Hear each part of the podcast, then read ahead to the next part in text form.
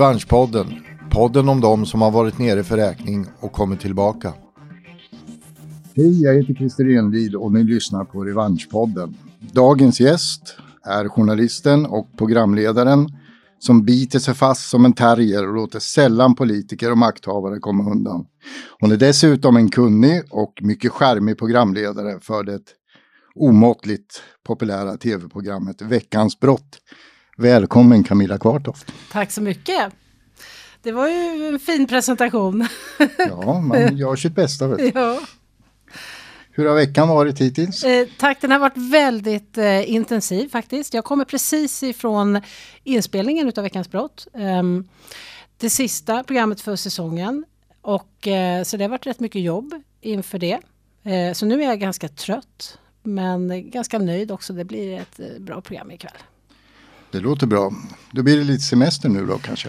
Nej, nej, på måndag börjar jag jobba med EU faktiskt. Ska sätta mig och läsa på som bara den. Vi ska, jag och min kollega Anders Holmberg ska leda utfrågningarna inför EU-valet. Oj, det låter Ja. stort. Ja, jag gjorde det faktiskt för fem år sedan. Eh, och det är roligt, men det är ju, alltså det är ju lite knepigt med EU. Det är mycket frågor och eh, försöka eh, liksom, förstå och mycket att läsa på. Mm.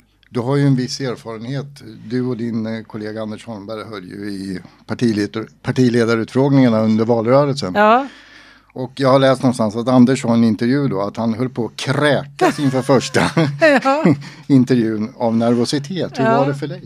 Nej, så illa var det inte för mig faktiskt. Ehm, och jag vet inte om han tog i lite grann. Men det är klart att det var, alltså det är ju på ett sätt så är ju det något utav det eh, häftigaste jag har fått göra. Och jag tror Anders också känner det. Det, det är liksom en, en eh, ganska hedrande uppgift att få det ansvaret att liksom i SVT som är den stora kanalen och som många tittar på och verkligen försöka Um, ja, men få ut det viktigaste då från de olika partierna och, och också kunna um, ställa dem till svars uh, inför ett val. Så, mm så det var mycket pluggande, det var det. Det var nervöst, det var det. Ja, det förstår jag. Hur, hur förbereder man sig inför något? För det, jag menar, det är ju enormt stort. Det är ju inte bara en fråga utan det är ju kolossalt många områden. Och hur förbereder man sig? Vi fick veta det där ett år innan, lite drygt. Eh, och då, så jag skulle vilja säga att den mentala förberedelsen börjar redan då. Och man börjar samla på sig eh, tankar och spara liksom artiklar, spara saker i huvudet och tänka så här, det här ska vi ta upp med just det där partiet, den där frågan är viktig. Man gör små anteckningar och så. Och sen så jobbade vi hårt då från början, ja i maj någon gång förra året och så var, hade vi rätt kort semester. Vi var i Almedalen naturligtvis och, och lyssnade på alla talen och satt och jobbade och skrev där. Eh, och, det, och det handlar väl om egentligen att lyssna på jättemycket intervjuer, läsa många artiklar, göra mycket research och försöka välja ut de ämnen som är viktiga för just det partiet. Man vill göra det rättvisa partiet samtidigt som man vill peka på det där de då kanske inte har levt upp till sina löften och, och sådär. Mm. Jag har hört någonstans att ni sysslar med rollspel inför en sån här Ja. Gör det gör vi. Ja, det gör vi. Hur går det till? Vem är politiker och vem Det, är... ja, men då är det redaktören som spelar politikern. Eller ibland researchern. Och eh, eh, det är jättebra. För då får man en känsla av både hur vi ställer frågorna. För att det är, när det är direktsändning så hinner man ju inte så mycket. Så att man måste verkligen ställa frågor så att man inte får en massa eh, långa liksom, redovisande faktasvar. Utan eh, så det, vi, vi förfinar våra frågor. Men sen hör man också så här Nej, men det här blir lite longör, det här blir lite tråkigt. Vi vill ju in på just den här kärnan. Så att det är verkligen en uppvärmning. Och eh, jag vet att politikerna gör ju likadant. När vi var just i Almedalen så, så mötte vi eh, en eh, sån här pressekreterare som sa just till, till Anders här att ja, dig har jag spelat många gånger i rollspel. så att, eh, ja. Men vilken partiledare är svårast att fråga ut och vilken är lättast? Hur liksom, jag menar, det är ju olika karaktärer allihopa. Är det någon som är så här riktigt jobbig att, att ha med att göra? Nej, det skulle jag inte säga. Eh, jag, och jag vill ogärna egentligen svara på den frågan, men jag tycker nog att eh, det finns några partiledare som är på ett sätt lättare för att de svarar verkligen på frågorna. Eh, och sen har det väl ibland tidigare, för några år sedan, så var det nog så att de, de stora partierna har ibland lite svårare att svara på frågan för att de greppar över så många väljare så att de ibland i de riktigt känsliga frågorna, det är oftast de vi ställer, där eh, vill de inte riktigt sätta ner foten. Det är lättare för ett mindre parti som har en väldigt tydlig åsikt i frågan att svara mm. på de frågorna. Mm. Okej. Okay. Du har ju hållit på med radio väldigt länge. Mm. Och eh, innan du började med tv, nej du höll på med radion innan du började med tv. Var det ett svårt beslut att liksom lämna radion för tvn och varför gjorde du det? Jag hade jobbat på radion i 17 år och, och eh, sänt både P4 och P3 och P1 framförallt då, då P1 Morgon och Studio 1 och så. Eh, sen blev jag eh, tillfrågad att göra en audition eh, för att eh, testa då att bli programledare på det här nya krimprogrammet på SVT med Leif GW Persson. Och det är ju alltså sommaren 2010. Eh, och det är klart att det är roligt att gå på audition. Och sen så gick jag vidare till eh, den andra uttagningen då. då. Och eh, träffade Leif och, och eh, blev förhörd av honom tänkte jag nästan säga. jo, ja, det finns någon historia där om några gummistövlar. Jag tror. Ja, ja, vill du höra den? Ja, det vill vi jättegärna höra. Nej, men då eh, Ja, men vi testade ju liksom inför kameran och prata med varandra och jag intervjuade honom och så här, och det kändes väldigt bra. Um, och eh, sen så, så intervjuade han mig också och då frågade han ju mig eh, och det är en fråga som jag aldrig har fått i någon annan eh, sån eh, jobbintervju. Eh, nämligen vad skulle du ta med dig om du skulle följa med mig ut i skogen och leta efter ett lik? Och, eh, och jag fann mig ändå ganska snabbt den där och, och föreslog då, eller sa gummistövlar och då ser jag hur eh, Leif bara nickar och muttrar och låter väldigt nöjd. Eh, och tänker så här att ja, jag kanske ändå har chans att få det här jobbet ändå, tänker jag. Då var det klart. Men var det han också som fick dig att ta det här steget till att börja med tvn? Var han involverad i att du skulle lämna radion för? Ja, för att det finns ju en historia där också. För att jag var ju programledare då på P1 eh, på Studio 1 och hade varit med och, och eh, startat nya Studio 1 och så. Och de ville inte släppa mig eh, som programledare. De ville inte ge mig med i eh, tjänstledigt helt enkelt. Och jag var inte beredd att säga upp min tjänst där. För att det är det är svårt att få jobb på public service och eh, jag trivs bra i det. Och jag visste inte vad det här eh, programmet skulle, liksom hur länge det skulle vara. Det var ett kontrakt på fyra månader bara. Och eventuellt förlängning om det blev populärt. Så jag tackade faktiskt nej. Och då har Leif med alla sina kontakter bearbetat SVT och sagt att det här får ni göra någonting åt. Nu får ni faktiskt, eh, för det är henne eh, jag vill ha. Mm. Eh, och då hade det varit anställningsstopp rätt länge för journalister på SVT för att man bantar ju liksom kostymen på alla ställen. Men då fick jag, då flyttade de över min tjänst från radion till SVT. Så att jag har Leif att tacka för mycket. Och sen när han själv tog beslutet att han skulle lämna er för TV4 så var han väl inte sen och frågade dig om du skulle följa med heller. Nej, det gjorde han. Mm. Men då var jag faktiskt inte beredd att eh, lämna SVT eh, för att jag tycker att public service, eh, det är väldigt roligt att jobba på public service och där finns resurser jag får göra de här stora programmen. Och ehm, jag kände väl att, uh, ja, att göra Veckans brott fast i, i en kommersiell kanal, det, det, jag, det, var väldigt, väldigt lockande att följa med Leif. Och uh, uh, det har ju varit fantastiskt alla de år vi har sänt ihop. Mm. Men jag var nog tvungen faktiskt att, jag kom till beslutet att stanna kvar. Eh, han, han erbjöd väl bra betalt, eller det kanske inte var han personligen som erbjöd det, men han sa att du skulle få. ja. Nej, det, är inte, det är ju inte Leif som betalar ut lönen. Så det, Nej. det var ett litet lockbete. men ni, ni höll på, vad var det, åtta år tillsammans? Va? Ja. Men hur var det då, det här liksom, sista programmet som ni skulle göra eh, tillsammans då, efter så lång tid som ni har hållit på? Mm. Var det känslosamt? Ja, det var det. Och det var väl egentligen, jag visste ju om det här rätt länge. Eh, eh, så att jag, det var, förra våren var överhuvudtaget rätt känslosam för mig. Jag fyllde 50 då, så jag hade ju liksom eh, hela den eh, 50-årsångesten och sen så att jag visste att vi skulle eh, ja, lägga ner tillsammans då, att, att det var sista programmet där i mars. Um, och, så det var rätt mycket så existentiellt. Vart ska jag ta vägen? Ska jag följa med eller ska jag, vad ska jag göra? Um, Eh, och sen blev jag faktiskt otroligt hes. Så sista programmet vi sände ihop så hade jag nästan inte någon röst. Jag fick ju ta såna här kortisonspray och saker Oj. för att jag skulle kunna prata. Det har aldrig hänt.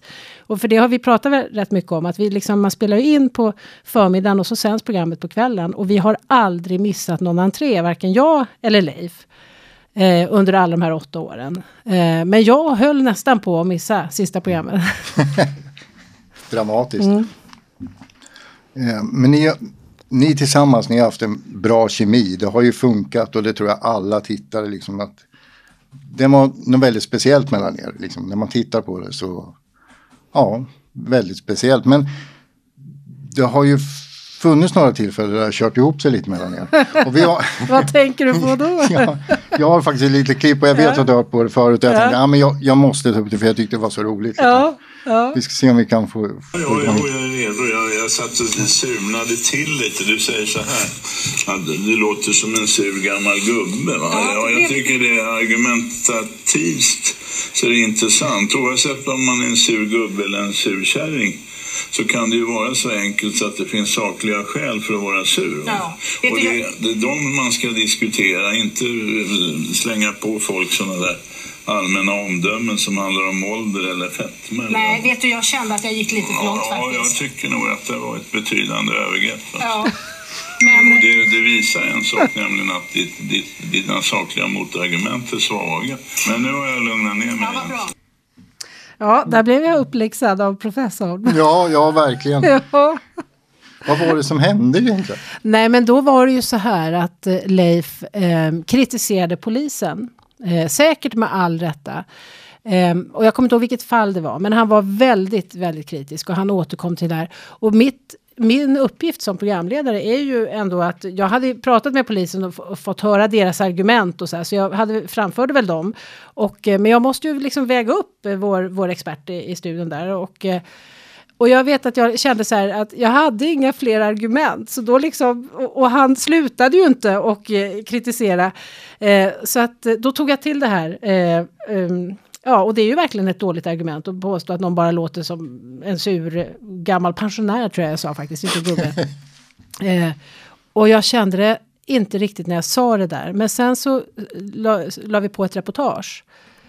Och jag kände verkligen då att det, det, det var ingen bra stämning i studion. Eh, och det härliga med Leif då är, det här visar ju hur genuin han är och hur, hur genuint vårt program är faktiskt. Att eh, eh, man sitter inte och spelar med och liksom bara slätar över något och så här, utan vi, han tog ju den där. Eh, han berättade vad han kände och tyckte och då rensade vi luften och sen gick vi vidare. Sen är det bra sen. Sen är det Ja, ja. Han, sa, han skojade med mig sen, kommer jag ihåg, när vi eh, var klara med inspelningen och vi gick ut ur studion och sa, ja, gör inte om det där. han. eh, men, men det är ju det är ju det där man vill uppnå. Eh, liksom att, att det är här och nu och eh, vi spelar ingen teater liksom. Här, här släpper vi fram vad vi tycker och känner och så. Så att det tror jag är verkligen en förklaring till att Leif är så folkkär och eh, så härlig att ha att göra med helt enkelt. Hur har programmet utvecklats utan honom nu? Han- var ju inne själv på så att det här kommer ju aldrig att gå. Man måste vara en expert. Och Ja. jag vet att du, ni hade någonting i tidningarna där. Ni, Ja. eh, men, men hur har det blivit tycker du? Jag tycker att det har blivit riktigt bra. Eh, det, så att på ett sätt så är det här en ny, eh, ja, nytändning då. då. Vi, vi försöker inte att göra gamla Veckans brott. Eh, det vore bara dumt. Och jag håller ju inte med Leif där han säger att det ska vara en expert. För att det går inte att ersätta honom helt enkelt. Det var något unikt och han är unik. Men vi kan göra någonting nytt och utveckla det. Och det är det vi gör. Och det tycker jag eh, känns eh, roligt. Och det har blivit väldigt bra. Och, och vi har fått väldigt mycket respons, positiv respons från tittarna också. Ja, det är ju omåttligt populärt som jag sa inledningsvis. Det är ju framförallt mycket av den målgruppen som eh, lyssnar säkert på den här podden får vi hoppas ändå. Som, Ja. som eh, tycker om det här programmet väldigt mycket. Eh, jag tänkte höra med dig lite. Vil, vilket liksom case eller vilket fall som ni har tagit upp har liksom berört dig mest? Finns det något sådär som Alltså, liksom jag- har varit känslomässigt jättejobbigt kanske? Alltså den här frågan får jag väldigt ofta. Och jag har väldigt svårt att svara på den. För att det är... ehm, på ett sätt så, så är det så många fall som har berört den väldigt mycket. Eh, och sen så är det också så att jag inte är ute och gör så många av reportagen om fallen. Eh, så att om jag ska välja så kanske jag nämner dem där jag själv var reporter. För att det är klart när man är reporter och träffar anhöriga framför allt och även träffar poliser som jobbar med, med utredning så, så blir man ju ännu mer berörd när man har den så nära kontakten. Um, men eh, jag menar, bara idag nu så, när vi, det programmet vi precis har spelat in handlar ju om bland annat eh, den här hemska fallet i Bjärred där en eh, mamma och en pappa tar livet av sina två döttrar och sedan tar livet av sig själva. Eh, och det är första polisen på plats som är med och berättar då om hur det var att komma till det huset. Och det, det är ju Alltså det är ju, man kan inte förstå det riktigt. Så det är klart att det påverkar mig mycket. För flera år sedan så gjorde jag en intervju med en man um, som blev misstänkt för att ha dödat sin fru. Och han blev till och med häktad för detta. Eh, och sen visade det sig att eh, det var en älg som hade sparkat ihjäl hans fru. En älg? Ja.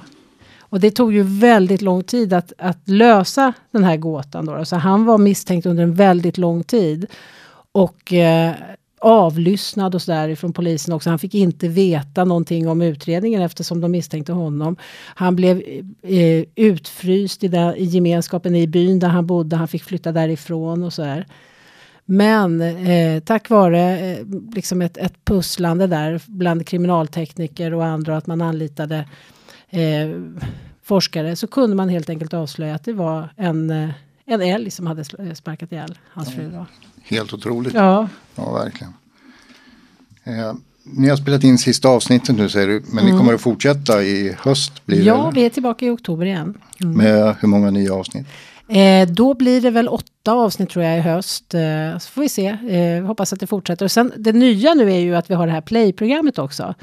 Där vi sänder tre gånger i veckan, måndag, tisdag, onsdag. Och där har vi ju gjort 35 program nu under våren. Och det ska vi ju fortsätta med i höst också. Och då, är man ju, då får man ju liksom vara med lite mer bakom kulisserna och höra. Då ser man ju hela redaktionen. Vi har ju så otroligt många jätteduktiga drivna researchers och eh, reportrar. Och eh, då får man liksom se och höra dem mer och hur vi resonerar på redaktionen. Och så gör vi olika inslag då om olika brott. Ja, tre gånger i veckan. Så att det löper ju på samtidigt. Mm. Vad kul, det ser mm. vi fram emot. Ja. En fråga som jag skulle ha ställt förut som jag glömde. Ja.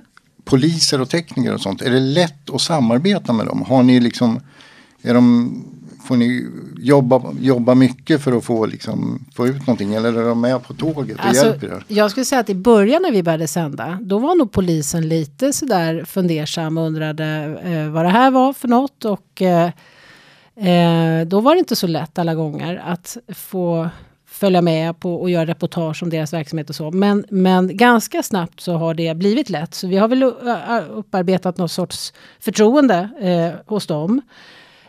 Um, och eh, sen finns det, jag skulle inte vilja säga att vi samarbetar med dem, för det gör vi inte, för vi granskar ju dem. Vi, vi, eh, och det gör vi ju rätt ofta ändå, och liksom ser när de har ja, inte skött en utredning bra och, och, och så vidare. Så att, eh, men samtidigt så gör vi ju sådana här reportage där vi skildrar då polisens eh, arbete. Och det, de har ju jag gjort väldigt mycket. Där, vi får, där jag följer med liksom med ja, allt från MC-polisen till rytteriet och sjöpolisen och, och liksom ungdomspolisen, eh, när de narkotikaspanar och sådär. Och då har vi ju en um, överenskommelse liksom att, att vi hänger med och eh, sen får ju vi gå fram och fråga personer som de stöter på och kanske om det finns misstänkta och så som de eh, agerar emot de, då, de visar ju vi ju inte upp i bild. Och då är det ju jag som går fram och frågar sen om man kanske får, får intervjua någon och sådär. Och så, så, det handlar ju rätt mycket om där att man liksom inte lämnar ut någon.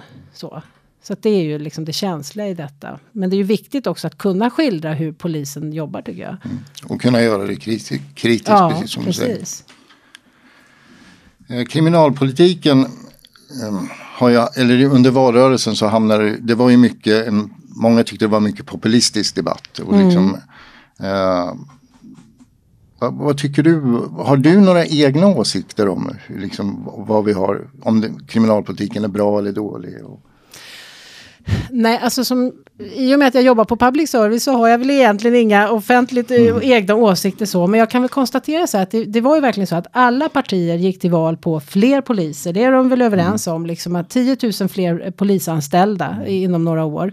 Eh, och de talade om höjda polislöner eh, och behovet av liksom att eh, strängare lagstiftning för att komma åt gängkriminalitet och så här. Sen har de ju lite olika åsikter om om man ska ta bort straffrabatten för unga eller eh, ja, så. Men jag tycker ju då, eftersom jag jobbar med krimfrågor och jobbar med Veckans brott och, tycker det, och även med politik så är det, ju, är det ju, tycker jag, intressant att den här frågan är, har varit så viktig i valet och så. Jag såg någon undersökning nu från någon kvällstidning som sa att, att det här eh, eh, brott och straff är liksom den viktigaste politiska frågan för svenskarna nu. Eh, och det är ju intressant. Sen är det ju tråkigt om det blir, för det, jag kan också hålla med om att det har funnits en viss populism i det. Att man liksom haft någon budgivning nästan. Och, eh, och det låter också som att de är väldigt oense i debatten. Så. Men när man, som jag ändå har studerat deras eh, politik nu inför valet, så är de ju inte, de är ganska överens om väldigt mycket också. Och, och det som är viktigt nu känner jag som har kommit efter valet, det är ju att man också har pratat om de förebyggande åtgärden och att det, polisen själva är ute och säger att men det behövs ju, det behövs ju lika många fler socialarbetare. Liksom det, socialtjänsten, det, där behövs det ju en massa stöd och, och jobb med de här ungdomarna framförallt och som inte ska liksom, eh, dras in i kriminaliteten och så här. Så att, eh, det, finns, eh, det låter ibland lite för enkelt i debatten eh, och det är ju tråkigt. Så den här budgivningen har tonats ner lite grann Ja. efter valet kan man säga. Det tror jag nog att den har. Ja. Och nu är det dags för dem att pynta också. Se om det eh, hur mycket de verkligen kommer satsa. ja, vi har ju Kriminalvården var ju, var ute för inte så länge sedan och pratade om platsbristen på fängelser och häkten. Att nu finns det ju snart inga platser kvar längre. Nej. Så det, det, det finns en hel del problem att ta tag i. Ja. Och det är liksom hårda tag på ett sätt då. då med, och då är det ju samtidigt är det ju viktigt liksom att, att det här med rehabiliteringen och liksom eh, utslussningen, vägen ifrån kriminalitet ut, eh, liksom, är ju också jätteviktigt att satsa på. Naturligtvis, det vet väl du om inte någon. Mm. Ja, om. att så, är det. Ja. så är det. Absolut. Ja, jag får väl tacka dig Ja. eh, Camilla för att du kom hit. Det var jättekul att ha det här. Ja, vad roligt. Ja. Och det här var, var det här liksom premiär? Det här var premiäravsnittet Ja, det också. är ju väldigt hedrande att få vara med Ja. i första. Ja, det, var- det, det var inte någon... Eh, det var en självklarhet känns det som. Tack så mycket. Tack själv. Ja. Hej. hej. hej.